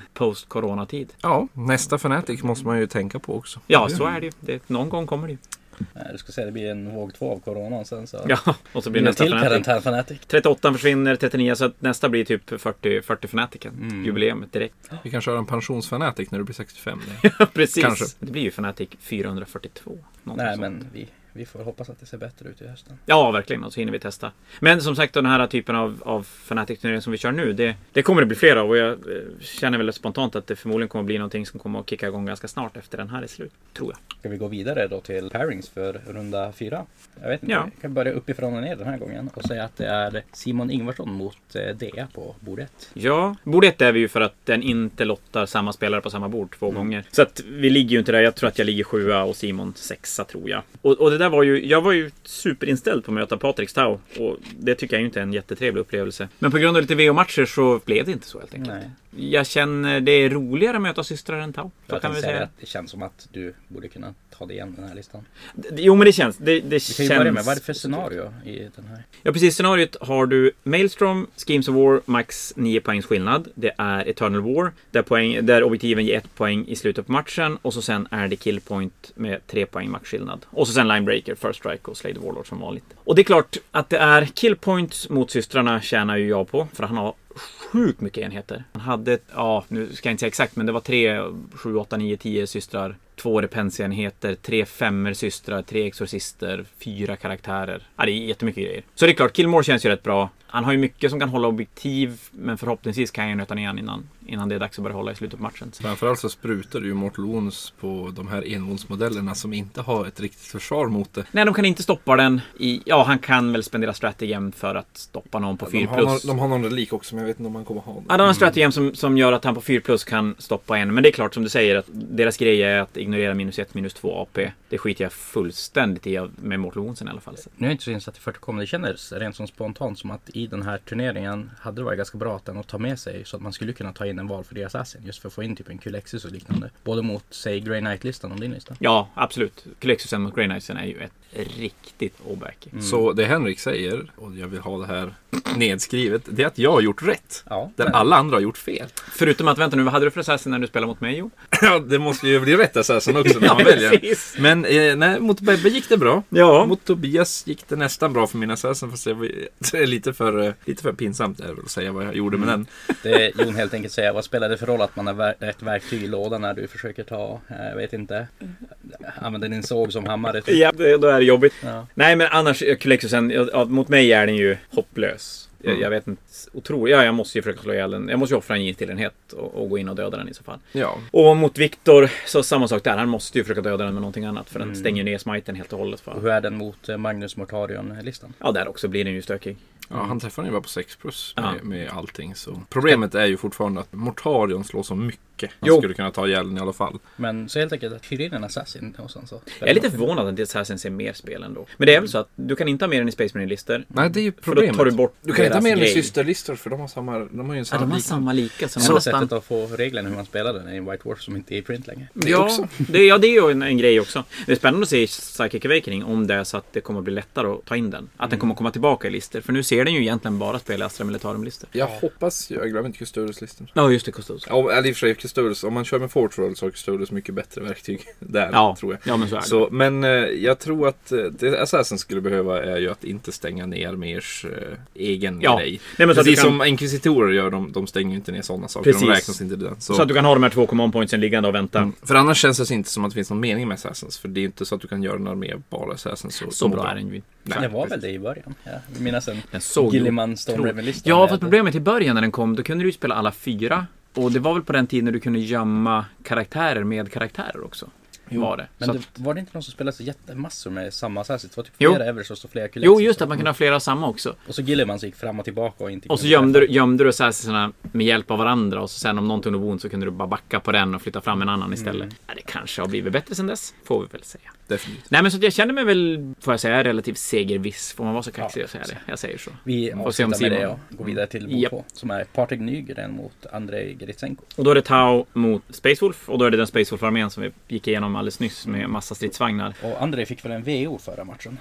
Uh, nej, André spelade mot Harry så han plockade Nej, det var inte han, det var eh, Borunder. 13 poäng gjorde han. Han har som skap, skrapat ihop. Men han vann ju 20-0 första. Och så förlorade han 19-1 mot mig. Och så sen plockade han 13 poäng nu. Han blir lite, han blir lite upphärad blir han däremot den här, va- den här vändan. Jag ska kolla, jag har någon resultatlista här ska vi se. För Pat... Nej, de ligger... Jo, men nej. Patrik ligger på 38 poäng på nionde plats och André på 33 poäng på tionde plats. Så det har ett liten litet, upphärdning. litet glapp där är det. Men det är ingen spelare emellan då, utan så att det är som det ska vara. Ja, vad ska man säga om den? Jag tror ju att Patrik kommer att skjuta de där Space Wolf-båtarna i små bitar. Jo, det känns som en hårdare lista när man bara kollar på den. Ja, och han kommer kommer dit. inte... Ja, han kommer kunna studsa... Andres armé skjuter ju jättehårt. Men den kommer ju få skjuta ihjäl massa drones. Och det är ju frågan om han kan få in Wolfens någonstans. Och stöka till det. Men jag tror att det blir svårt att, att komma emellan den där bubblan som... Och så just att det är, det är ett jättebra scenario för Tau när du ska hålla objektiven i slutet på matchen. Så du behöver som inte kliva ur din bubbla förrän jättesent. Döda motståndaren och sen gå ut och ta objektiv. Så det beror ju på hur mycket kortpoäng Andrej kan ta. Där, Ja. helt enkelt. Det är väl det, att han tankar mycket kortpoäng och kan få den f- skrapa upp. Men så på sin höjd så kan jag, skulle jag säga 15-5 till Patrik. Så 15-5 eller mer. På bord tre då, Linus Karlsson mot Ingvar Widerlund. Då är det då Ingvar spelar Tau och Linus spelar ju den Lord of Skull, Mortarin, Magnus-listan. Ja, den här är ju... Jag vet inte. Kan Lite lurig. Tau skjuta lagom hårt för att sänka de där innan de börjar bli en grej? Det är väl den stora frågan. Det kan de absolut göra. Frågan är om han skjuter på rätt sak. Det tror jag inte att han gör. Det är ju Ingvar det. de spelar lite, lite Tau. Och som sagt, Linus lista är ju jättekonstig. Den är svårspelad mot. Ja, så jag tror att min prediktion är att Ingvar kommer skjuta på Magnus. Resten kommer bara... Ja, eller skjuta på Lord of Skull. Eller Lord of Scouts. Och göra något av dem, då gör han nog fel. Ja, jag skulle nog skjuta på... Vad heter Lord of Scorn först? Lord of Skull först, ja. Förmodligen. Oh, men man kommer inte få chans att skjuta på den. Nej, alltså Jag tror. den, den är lite mindre, lättare att gömma. Ja. Plus att Linus har ju också, med Warp Time och Magnus, så har han ju också pjäser som kan vara ohyggligt snabba. Så han kan ställa sig utom, utanför rangen av Tau. För Mm. Taus skytte är inte alltid så långt. Det ligger någonstans där till 648. Ja. Och deployar Tau i ett hörn där man vet att de står, då kan man ställa sig utanför den rangen. Och då har han inte så mycket att skjuta. Så Warp Time in Lord of Skull ja. kan ju alla gånger ta Stanner-shooten från den bubblan. Ja. Och har han väl kommit in med den då... Eller som sagt, warptimar fram, eh, går ju warp- warptimar fram Magnus medan alla andra springer för Magnus är ju ett Ja. problem i sig själv om han står mitt bland Tau. Ja, samma sak där. Du skjuter ju inte ihjäl han så himla enkelt. Och lyckas du döda honom, då har du sen Mortarion och en Lord of Skull i ansiktet istället. En demonprins och en... Och en Lord Scorn. Jajamän. Alltså här vill jag väl också tro att Linus kommer att vinna den här. Ja. Jag är relativt övertygad. Tror jag. Mm.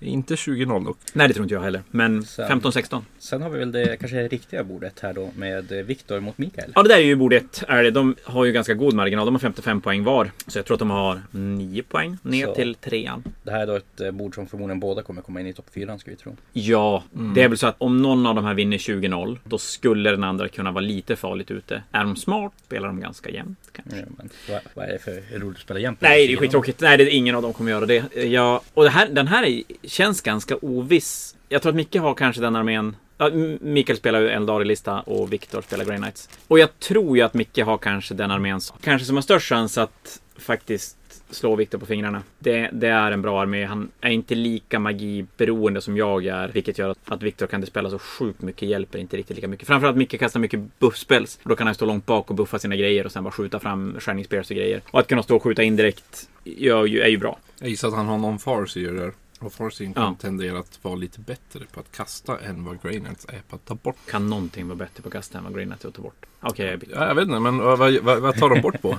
Ja, men de, får ju slå, de har ju någon eh, strategi som gör att de får slå tre tärningar och välja de två högsta. Och kan väl få plus på det också om det är Librarian som använder den. ja, det är ju bra. Ja, det är hemskt. Det är hemskt. Men som sagt, den där, den där är oviss. Den där är jätte, jätte oviss. Förmodligen mest spännande matchen här. Så Ja, jag- absolut. Det, det kommer ju gå i turneringen som, som i allmänhet. Det är väl, jag skulle tro att det där är en kommande final. Det, är- det är min gissning. Om de inte råkar möta varandra i semi av någon anledning. Du får ta och filma den så att vi alla kan njuta av den. Just det, med skakig mobilkamera. Mm. Svinbra. Svinbra. Ja, bord 5 då. Jon Borg mot Harry Brager. Ja, det var ju lite, det var ju lite skoj. Du fixar Mortarien Jon. Ja, det var ju det som jag började faktiskt bli lite irriterad, eller eh, orolig för ska jag säga. Inte För irriterad. min tanke är väl att Gilliman, a.k.a. Kejsaren, får stryk mot Han får, han får stor stryk av Mortarion. Och där gällde ju, där gällde ju visserligen att ha koll på Mortarion. Mortarion kan slå på två olika sätt. Antingen så slår han jättemycket eller så slår han jättehårt. Så du säger alltså Så, att... eh, Eh, så det beror ju på lite på vad Harry, eh, Harry, vad Harry väljer. men Jon, så du säger alltså att all konceptart vi ser med Gilliman som slåss mot andra demonprimarker, det är bara imperiepropaganda? Alltså jag kör ju, min Gilleman är ju konverterad kejsaren så, eh, och Mortarion var inte sådär stor och läskig när, när kejsaren levde. Jag tänkte säga, Robert Killman när han slåss mot demonprimarker, det var väl innan han har varit död i 10 000 år. Nej, det finns ju en både där han... Ja, det gör slåss- det. Jo, när han slåss mot Magnus och när han slåss mot Mortarion. det är alltså, klart- han står och fäktas med dem riktigt ordentligt i sina powerpost. Men det ser bra ut precis innan och sen när de har tagit foten, fotot, då då stendödar han efter det. Ja, Gilleman får ju verkligen stryk. Men så är det väl Jon att den här matchen vinner du för att ja, du har ju både erfarenheten och du f- spelar ju Death Guard. Så jag vet vad även om han Harry sa. har några tricks så har ju du koll på alla tricks som han kan göra. Så att jag, har- det det här blir tufft. Ja, Det det, blir- enda, det enda jag, jag är ju faktiskt, o- jag är ju den som är lite orolig för Mortarion för att jag måste ta Mortarion i den här strid och Mortarion han, han ger faktiskt riktigt med Kan du däng inte till allt. skjuta med bajsen? Nej, det dödar Det är inte. så, det gör det, inte alltså det, det, det tar inte Mortarion, det är Nej. för låg chans. Även om, det måste, även om jag skulle träffa alla och såra alla så går ju inte, det går ju inte igenom tillräckligt mycket skott. Nej, det är klart. Kommer han in så på fel ställen så gör det ju ont. Men jag, jag, jag säger väl ändå att den här bör du vinna med 16-4 i alla fall. Minimum. Ja, på, Tänker jag på, mig. på erfarenhet Ja, och, och, precis. och eh, kunskap. Så. Eh, Om, om, eh, jag vet inte om Harry har mött Custodes för, men jag kan ju Nej, det har Death han Guard. nog förmodligen inte gjort. Det är ju inte jättemånga som spelar Custodes. Nej, och jag kan Death Guard framlänges och baklänges. Ja. Niklas- Men vi håller på Harry förresten. Eller? Är det bara jag kanske? Ja, det, Nej, jag, inte bara jag, det jag. skulle vara lite dumt kanske om jag håller på Harry. Det skulle nog öppna för en läggmatch kanske. kanske. Bord 6 då, Niklas Nygren mot Sebastian Rubin. Ja, här är lite rurigt. Sebastian har ju inte spelat så här supermycket matcher. Han har ju lämnat lite VO. Jag vet inte. Niklas skjuter mycket, Sebastian har jättemycket kroppar som ska kunna hålla objektiv i slutet på matchen. Niklas spelade ork, g- lite Gunline Orker, Sebastian spelar en Tyranidarmé med en hel massa termaganter. Hur många som helst. Så att, Ja, det kan bli spännande. ja, det här, det här är ju... Det är, ju- det är ju två sådär... Det är ju långt, långt, långt ifrån metalister. Så, så det är ju supersvårt att, att, att förutspå lite grann vad som ska hända här. Det kommer att dö väldigt många modeller. Ja, det kan hänger man ju säga. sjukt mycket på vilka kort de drar. Alltså vem, vem klarar mest kort? Vilken, vilken av de här listorna? Och där tror jag ju problemet för Sebastian, det är att tyrannidkorten bygger på att man ska döda enheter. Man ska gärna döda enheter i fightfasen och det kommer han inte göra. Ingenting. Man ska, ja, han kommer inte skjuta utan han kommer ju kunna hålla objektiven i slutet i så fall. Så jag tror ju här kommer Niklas att vinna korten rätt övertygande. Och sen är ju bara frågan hur mycket han lyckas skjuta ihjäl. Om han kommer kunna ta alla objektiv i slutet eller om Sebastian kan plocka några stycken i slutet. Alltså, det är många termaganter och det, de blir ju bara fler och fler. Ja, ja, men det blir det. Och, och orkerna skjuter ju mycket, men De träffar inte så nej, de jättemycket. gör ju inte det. Så att, jag, här tror jag också att det inte kommer att dra iväg supermycket, men jag tror att Niklas vinner med 14-6, 15-15 någonstans. Fan vad spännande jag är på Isa. Jaha. Isa typ samma på alla.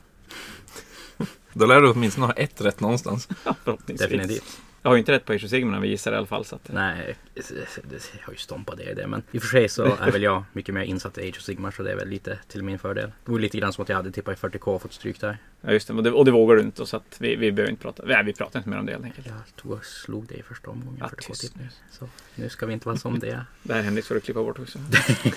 Och det tror du. Nej men på bord 7 har vi då Alexander Backström Seldin mot eh, Marcus Persson. Hårda tau mot systrar. Ja, Det blir lite spännande för systrarna har ju save mot basically allt som tau skjuter. Ja, de tankar ju väldigt bra. Men nu är ju Marcus Armé är ju så fruktansvärt mobil. Så det känns som att den nackdel som Tau skulle kunna ha tar han bort lite grann. Mm. Men sen- nej, ja, men det är ju som systrarna tankar rätt mycket. Och jag tycker det är skitsvårt med, med systerarméerna. Jag, man har ju sett dem så lite spelande så att Men jag har vet inte Marcus- riktigt om de är något bra eller Har om dåliga. Eller? Marcus AP3 eller bättre i sin armé överhuvudtaget? Förutom Du får inte ställa sakfrågor, då visar man ju att man inte kan. nej, jag, har, jag, jag vet faktiskt inte riktigt Min, min, Tau-listan. min, man, kanske någon fusion blasters, men det kommer ju inte döda massor med systrar. Så jag, jag tror ju, jag vet inte, det är möjligt att Alexander bara tankar det här på 3 plus save hela tiden. ställer sig Alexander på alla har motiv. Celestin. Så jag... Du håller på den helt enkelt. Ja. Ja, jag tror Har inte ställa... han Saint Katerin också? Jo, Triumph och Satan tror jag. Ja, just det. Det är ju en bonus. Då, vi- då Eh, vinner han ju bara sig själv. Ja, det gör han ju faktiskt. Då, då Och, så måste vi hålla han, på han. och en terrängbit, den enda i Och en turneringen. terrängbit. Det, och sen är det ju två spelare som inte har spelat. Alexander har spelat mer 40K men har, har ju spelat mycket Malifaux sista tiden. Så att det är ju två relativt gröna 40K-spelare också. Det kan ju också göra det ganska svårt. Min, min prediktion är att Marcus kommer få ungefär samma erfarenhet som jag fick mot Necrons när de kom med den nya boken i sjätte editionen. Att de inte. Jag körde eldar och jag var ju van att jag sköt ihjäl allting. Och så mötte jag Necrons i en turnering här på Med Fantasia. Decurion Detachment. Med var det. Decurion Detachment, det var ju första gången det var Ja. ett sån typ av detachment i 40K. Och jag sköt hela mina med på ett block Necron Warriors och de dog. Jag tror det dödade sex stycken och det ställdes upp sen och jag, jag, jag blev helt paff. Så jag undrar om Marcus nu har gått hårt och han har han pekar på saker och det har dött och han har märkt det. Nu kommer han att peka på saker och de dör inte. Ja, så pekar han på sådär 9 systrar som Ja. inte bara dör. Nej, precis. Och Det, det, är klart, det blir jobbigt. Och Celestine kommer ju bli ett problem för att hon är ju väldigt bra på att vara besvärlig. Och så kommer Katerin också bli ett problem för den är cool. Precis, man, vill- man vill inte skjuta på den. För den är Nej. så snygg så man vill att den ska stå kvar Faktiskt. så länge som möjligt. Bord 8 då, Tobias Håkansson mot Joakim Landell. Och där tror jag det blir tungt för Tobias. Tror du Det- det? Ja, det, det, är mycket, det är mycket skott från, från de där Drukari. Det, det är mycket skott. Spelar inte han rätt mycket Lanza? Ja, det kan vara det, men han har ju- Tobias sitter ju på sex weapon teams. Och jag har en känsla av att Joakims lansar kommer att peka dit det första de gör. För det är ju det enda vettiga som lansarna kan peka på. Ja, och dödar man dem så har man ju plockat bort ganska mycket. Dödar man dem så får- har han inte så mycket kvar som plockar bort båtarna. Så Ja, det är en del. Han spelar tre Cabalite Warrior-enheter med två blasters och en splinterkanon i varje. Men sen spelar han tre Ravagers med tre Dark Lances. Han spelar Razor Wing Jetfighter, det är Dark Lance och splinterkanon. Han spelar Raiders, tre Raiders med Disintegrators. Och sen har han ju två tior och en femma Witches. Han har en sexa Reavers. Ja, det är de och där så har han Witches, tre ja. Raiders med Disintegrators. Ja, det, det, ja det, det är visserligen lite mer antitanke än vad som krävs för den här listan. Men jag tror fortfarande, om man, om man dödar Tobias Meckans, Meccans, ja. Meccans, så finns det inte så mycket kvar som skjuter bort de här båtarna. Då är det ju Sotapchocka som kan... Nej, och det är klart, spelar, spelar Jocke smart då och inte dedikerar sig någonstans utan håller sig lite borta och nöter ut orkerna för att kunna ta de här poängen i slutet. Det som kan eh, tala för eh, Tobias är att han har en ganska trixig lista. Han kommer lite här och var med, det kommer boys från sidan och bikes från himlen och Och så att han har mött dig innan så han har fått en riktig test. Han har för, ja, han plockar ju poäng mot mig faktiskt. Många fler än vad jag eh, hade hoppats på. Så det kan ju, det jag säger inte att det blir en 20-0, men åt, jag säger samma sak som jag sa om Joakims förra match egentligen. Han har alla, Joakim har alla verktyg för att ta hem den. Ja, det sa jag ju mot Linus också. Att mot den trodde jag faktiskt att Jocke skulle plocka hem det. Så att, ja, vi får se om han fixar den här istället. Mm. Nästa bord då, Roger Larsson, Jakob Ekman. Frågan om han till Astra Militarum-lista. Är det här den som har jättemånga ex- executioners i sig? Nej, nej det är det inte. Den här är en sådär lite mer klassisk. Det är han som spelar Defcore-listan? Ja, exakt. Med basilisker och grejer. Det, är han, det är han som eh, bunkrar upp sig i...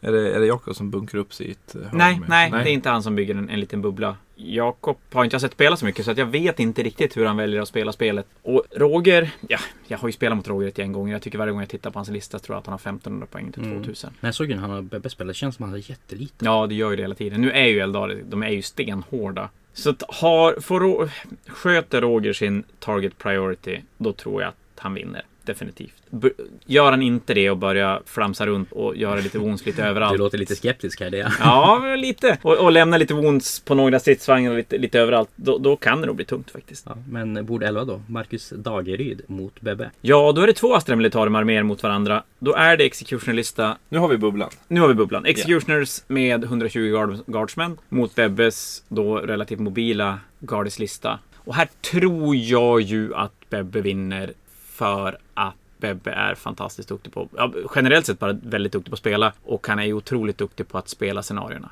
Bra att Bebbe inte lyssnar på podden så jag hörde dig säga det. här. Faktiskt, han blir så jävla stor på oss annars. Jag märkte då inte att han var så duktig på att spela scenario när jag mötte honom. Men, men nej, jag, jag tror... Om inte Marcus kanske lärde sig mot Micke när han spelade för i match två. Att han kanske måste lämna det där eh, slottet tidigare. Fast å andra sidan, det här scenariot kan man ju stå kvar och plocka objektiven i slutet. Men å andra sidan är ju armén ganska långsam. Så att ska han hinna ut till objektiven så måste han ju börja tidigare. Men det här kan vara ett bra scenario för Marcus ändå. Ja... Fast det blir, han får ju jättesvårt att ta... Jag menar, Webbe har massa små science-enheter som kan ställa sig på ett objektiv bakom Mm. en ruin. Och så kommer Marcus inte kunna skjuta på dem. Och så i, slutändan, i slutet på matchen så, så plockar Bebbe en 4-5 poäng där. Och då hänger det ju supermycket på hur korten har gått. Definitivt. Jag tror också att Bebbe har den, den bättre listan om vi kollar på Astra Militarum emellanåt, eh, mellan de här två. Oh, Ja, den är ju... Den är ju bättre på att spela scenario. Ja, precis. Och det är så man tar poäng, det är så man vinner den här Ja. matchen. Du ska ju klara korten. Killpointsen. Ja, klart Bebbe är smart så har han ju otroligt mycket gardister att döda. Och det är ju Jag är väldigt tacksam. om det. enkla killpoints att ta. Så är det ju definitivt. Och sen på bord 12 har du då bilorkerna Christer Persson mot eh, Lars Elborn. Som blir då Emilia, precis. Och jag tror ju tyvärr att Christer får det lite tungt. Igen. Varför är bilarna så dåliga? För Jag det? vet, den är jättetråkig. De är ju svin... För jag älskar ju Christers armé och jag sa in, inför fanatiken kändes det ändå som att han kanske hade en liten grej. Men jag vet inte om det är att den, i- att den inte är tillräckligt bra eller att han haft lite fel matchup så att han kanske vill möta generellt sett bättre arméer. Jag, jag vet inte riktigt. För, Jag tänkte säga bilarna, jag menar orkbilarna. När de kom var de ju jättedyra. ja, Som ja, kom- helt ospelbara. Helt ospelbart dyra. Jag sa då att jag tyckte att man skulle halvera poängen på alla bilar för att de skulle bli någonting. Och jag fick lite stöd för det när Jeans Illegal Codexen kom med deras lilla bil. För den var ju faktiskt ungefär som en orkbil fast hälften av poängen. Den var ju bara, ja det var halva poängen egentligen av den. Men i den senaste Chapter Proof så har de ju inte halverat poängen utan de har ju tagit bort, visserligen någonstans där med 30-40 poäng, men fortfarande. Jag, tyck, jag tror de skulle behöva gå ner mer för att se spel, för de är för lätta att döda.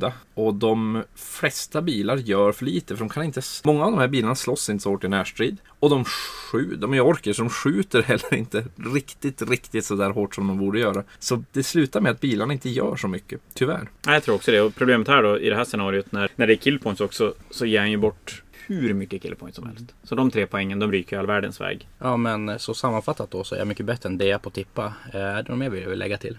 Jag, och jag fick så mycket att säga nu så att jag vet inte vart jag ska ta Ja, vägen. du har ju faktiskt, du har väl tippat fel på alla mina matcher, både i 40K Age och Sigmar, och nu tippar du på mig istället för Harry, är det det Så du att säger? nu kommer du att förlora. Nu Det är kommer jag tokförlora. Hundraprocentigt Och- är det. Jag kommer att skylla på dig när jag gör det. Jag hade rätt på min egen match i alla fall förra gången. Ja, fick då stort rygg fick jag. ja, men det ska bli- bli spännande. Nu börjar det ju ändå dra ihop sig lite grann.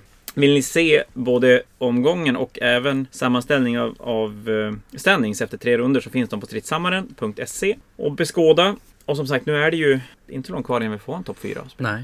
Sen så kommer vi väl förmodligen göra något poddavsnitt inför topp 4 turneringarna och prata igenom listorna lite mer grundligt och som spekulera och diskutera hur det kommer att gå. Ja, men precis. Och, och göra en, en riktig sån Eh, vi har ju sagt Viktor och Mikael va? Ja, de har ju 55 poäng var, så de har, ja, de har till och med 11 poäng upp till trean och fyran som har 44 poäng var. Och sen är det ju ganska jämnt där. Där är det 44, 43, 40, 39, 38 och sen blir det ett hopp ner till 33. Så det är väl från, match, från placering 9 och uppåt som vi kommer att hitta topp 4 skulle man ju egentligen kunna säga. Plats 11 uppåt hade varit mycket roligare. Tycker Det jag. hade- Vem ligger på elfte plats? Jag ser inte riktigt. Det var så långt ner så jag måste scrolla. Åh, Jon! Där var du! Jaha, hm, tokigt. Typiskt. Ja, men jag tror väl att, som sagt, Micke och Viktor, de kommer nog ligga i ett läge inför sista matchen att de kan nog välja att nästan dråa in sig. Beroende lite på vad de möter. Och det är väl så att det skulle kunna bli ett läge där fler kan göra det och att det inte behöver bli så mycket spel i sista matchen. Ja, det skulle vara så om den här, hur den här matchen går. Om en av dem tok förlorar 20-0. Det tror jag inte kommer hända. Men i, vi säger att ifall det skulle kunna hända. Ja, så då- skulle det kunna bli en liten marginal där om någon av den, den som, Mm. om den som förlorar kommer in. Jag trodde ju i början, innan Fanatiken, så, så hade jag tippat Mickes, Eldari, Viktor, Grey Knights, eh, Linus, Chaos Demons och Patriks Tau. Nu verkar det väl som att Patrik får det tungt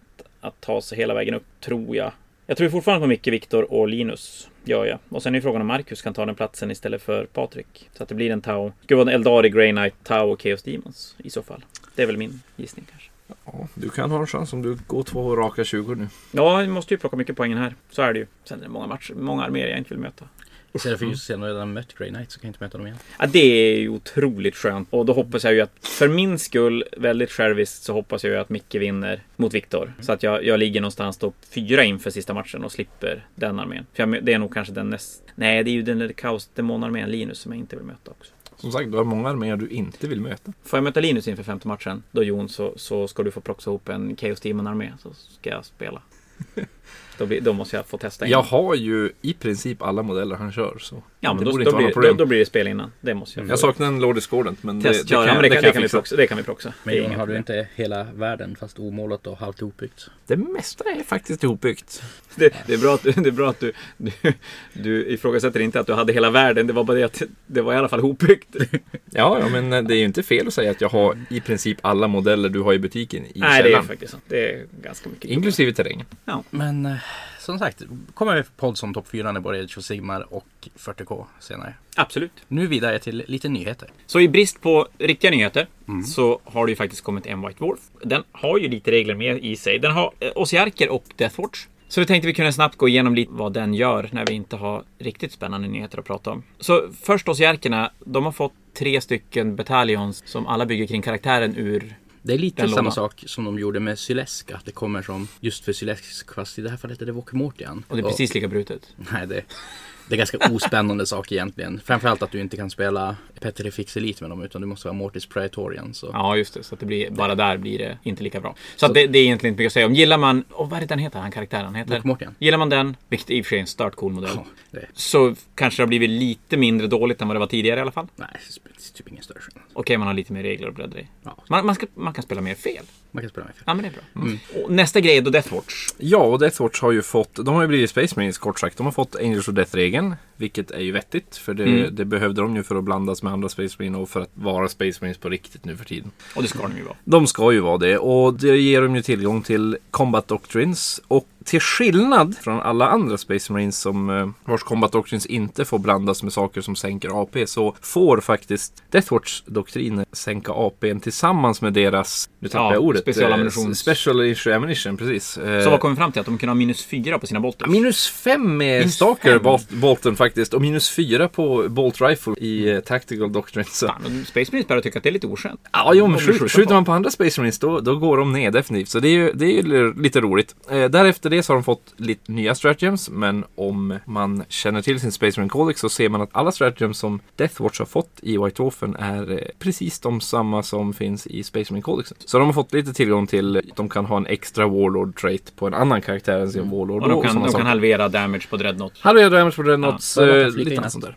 Jag gillar inte att de släpper regler som man måste ha i White Wolf. Nej, det är ju svindumt. Så, så länge de inte släpper en pdf typ Ja, samtidigt. De behöver ju en pdf på nätet. Ja. Som vi Åtminstone sa månaden tidigare, efter. Går den så får tag i Assassin-reglerna? Någonstans mellan som GW Ja, och finns de Salesforce. på nätet nu? Jag tror inte det. Jag har inte kollat men... Utan du måste ju köpa digitala White Wolves för att få tag i dem. Det är ju jättedumt. Det är jätte, det måste jag hålla med om. Det är samma sak med syrläsk. Ja, jo, nej, det, det är faktiskt, det finns som inget vett i det alls. Däremot, Deathwatch-grejen nu är ju, de har gjort det enda rätta. De har egentligen klippt in det generiska Space marine kodexet in i Deathwatch-kodexet. Så att de har som uppdaterats med alla nya grejer som Space Marines har fått. Precis. Värt att notera är att White Wolfen är inte fackad eller erratad som Space Marine Codex har blivit erratad. Så vi kan ju garanterat förvänta oss en errata där du inte kan studsa mellan, eller du inte kan ligga kvar i doktriner utan att du kommer måste byta de första tre rundorna. Precis. Men, men annars är det ju ja, vad Deathwatch behövde. Sen är ju frågan hur mycket det gör för armén i stort mot Space Marines. Det är väl, har jag lite dålig koll faktiskt. Alltså AP minus 4 volt på Bolters är ju coolt om inte annat. Ja, det är det ju. Och kanske bra mot Space Marines. Kanske bra om Space Marines. Sen den stora nyheten som kanske inte, kanske inte riktigt är som en nyhet utan mer en nyhet om en nyhet är ju att den 23 på lördag så kommer det vara en stor Warhammer Reveal igen. Ni hörde det först. Jag har sagt det nu fyra gånger. Ny edition till 40K. Ja, men, vänta det. Kan det vara så att Giant News från Hysch Hysch är egentligen Silent Killing och inte jättar? Oh, okej då. Nej. Kanske inte. Nej, Men en ny edition i alla fall. Och tanken är väl att vi ska väl ta och podda det och så bara lägga ut det på direkt. Ta och prata lite allt eftersom de tar och presenterar det hela som kommer. Ja, så jag, Henrik och Jon kommer sitta och, jag vet inte, nördstöna i takt under, under revealen och så sen får ni, får ni lyssna på det en timme senare typ. Mm. Ja, det låter ju så dumt så att det kan ju bara bli bra tänker jag. Det kan bara bli Mm. bra. Ja, ja, gud ja. Det är bara att bunkra upp med popcorn på lördag. Oh ja! Och det var väl allt för den här episoden. Ja men du, det blir ett bra jubileumsavsnitt nästa gång, dag nummer 20. Så, så hörs vi om en vecka då. Tack för oss. Tack, tackar! Hej.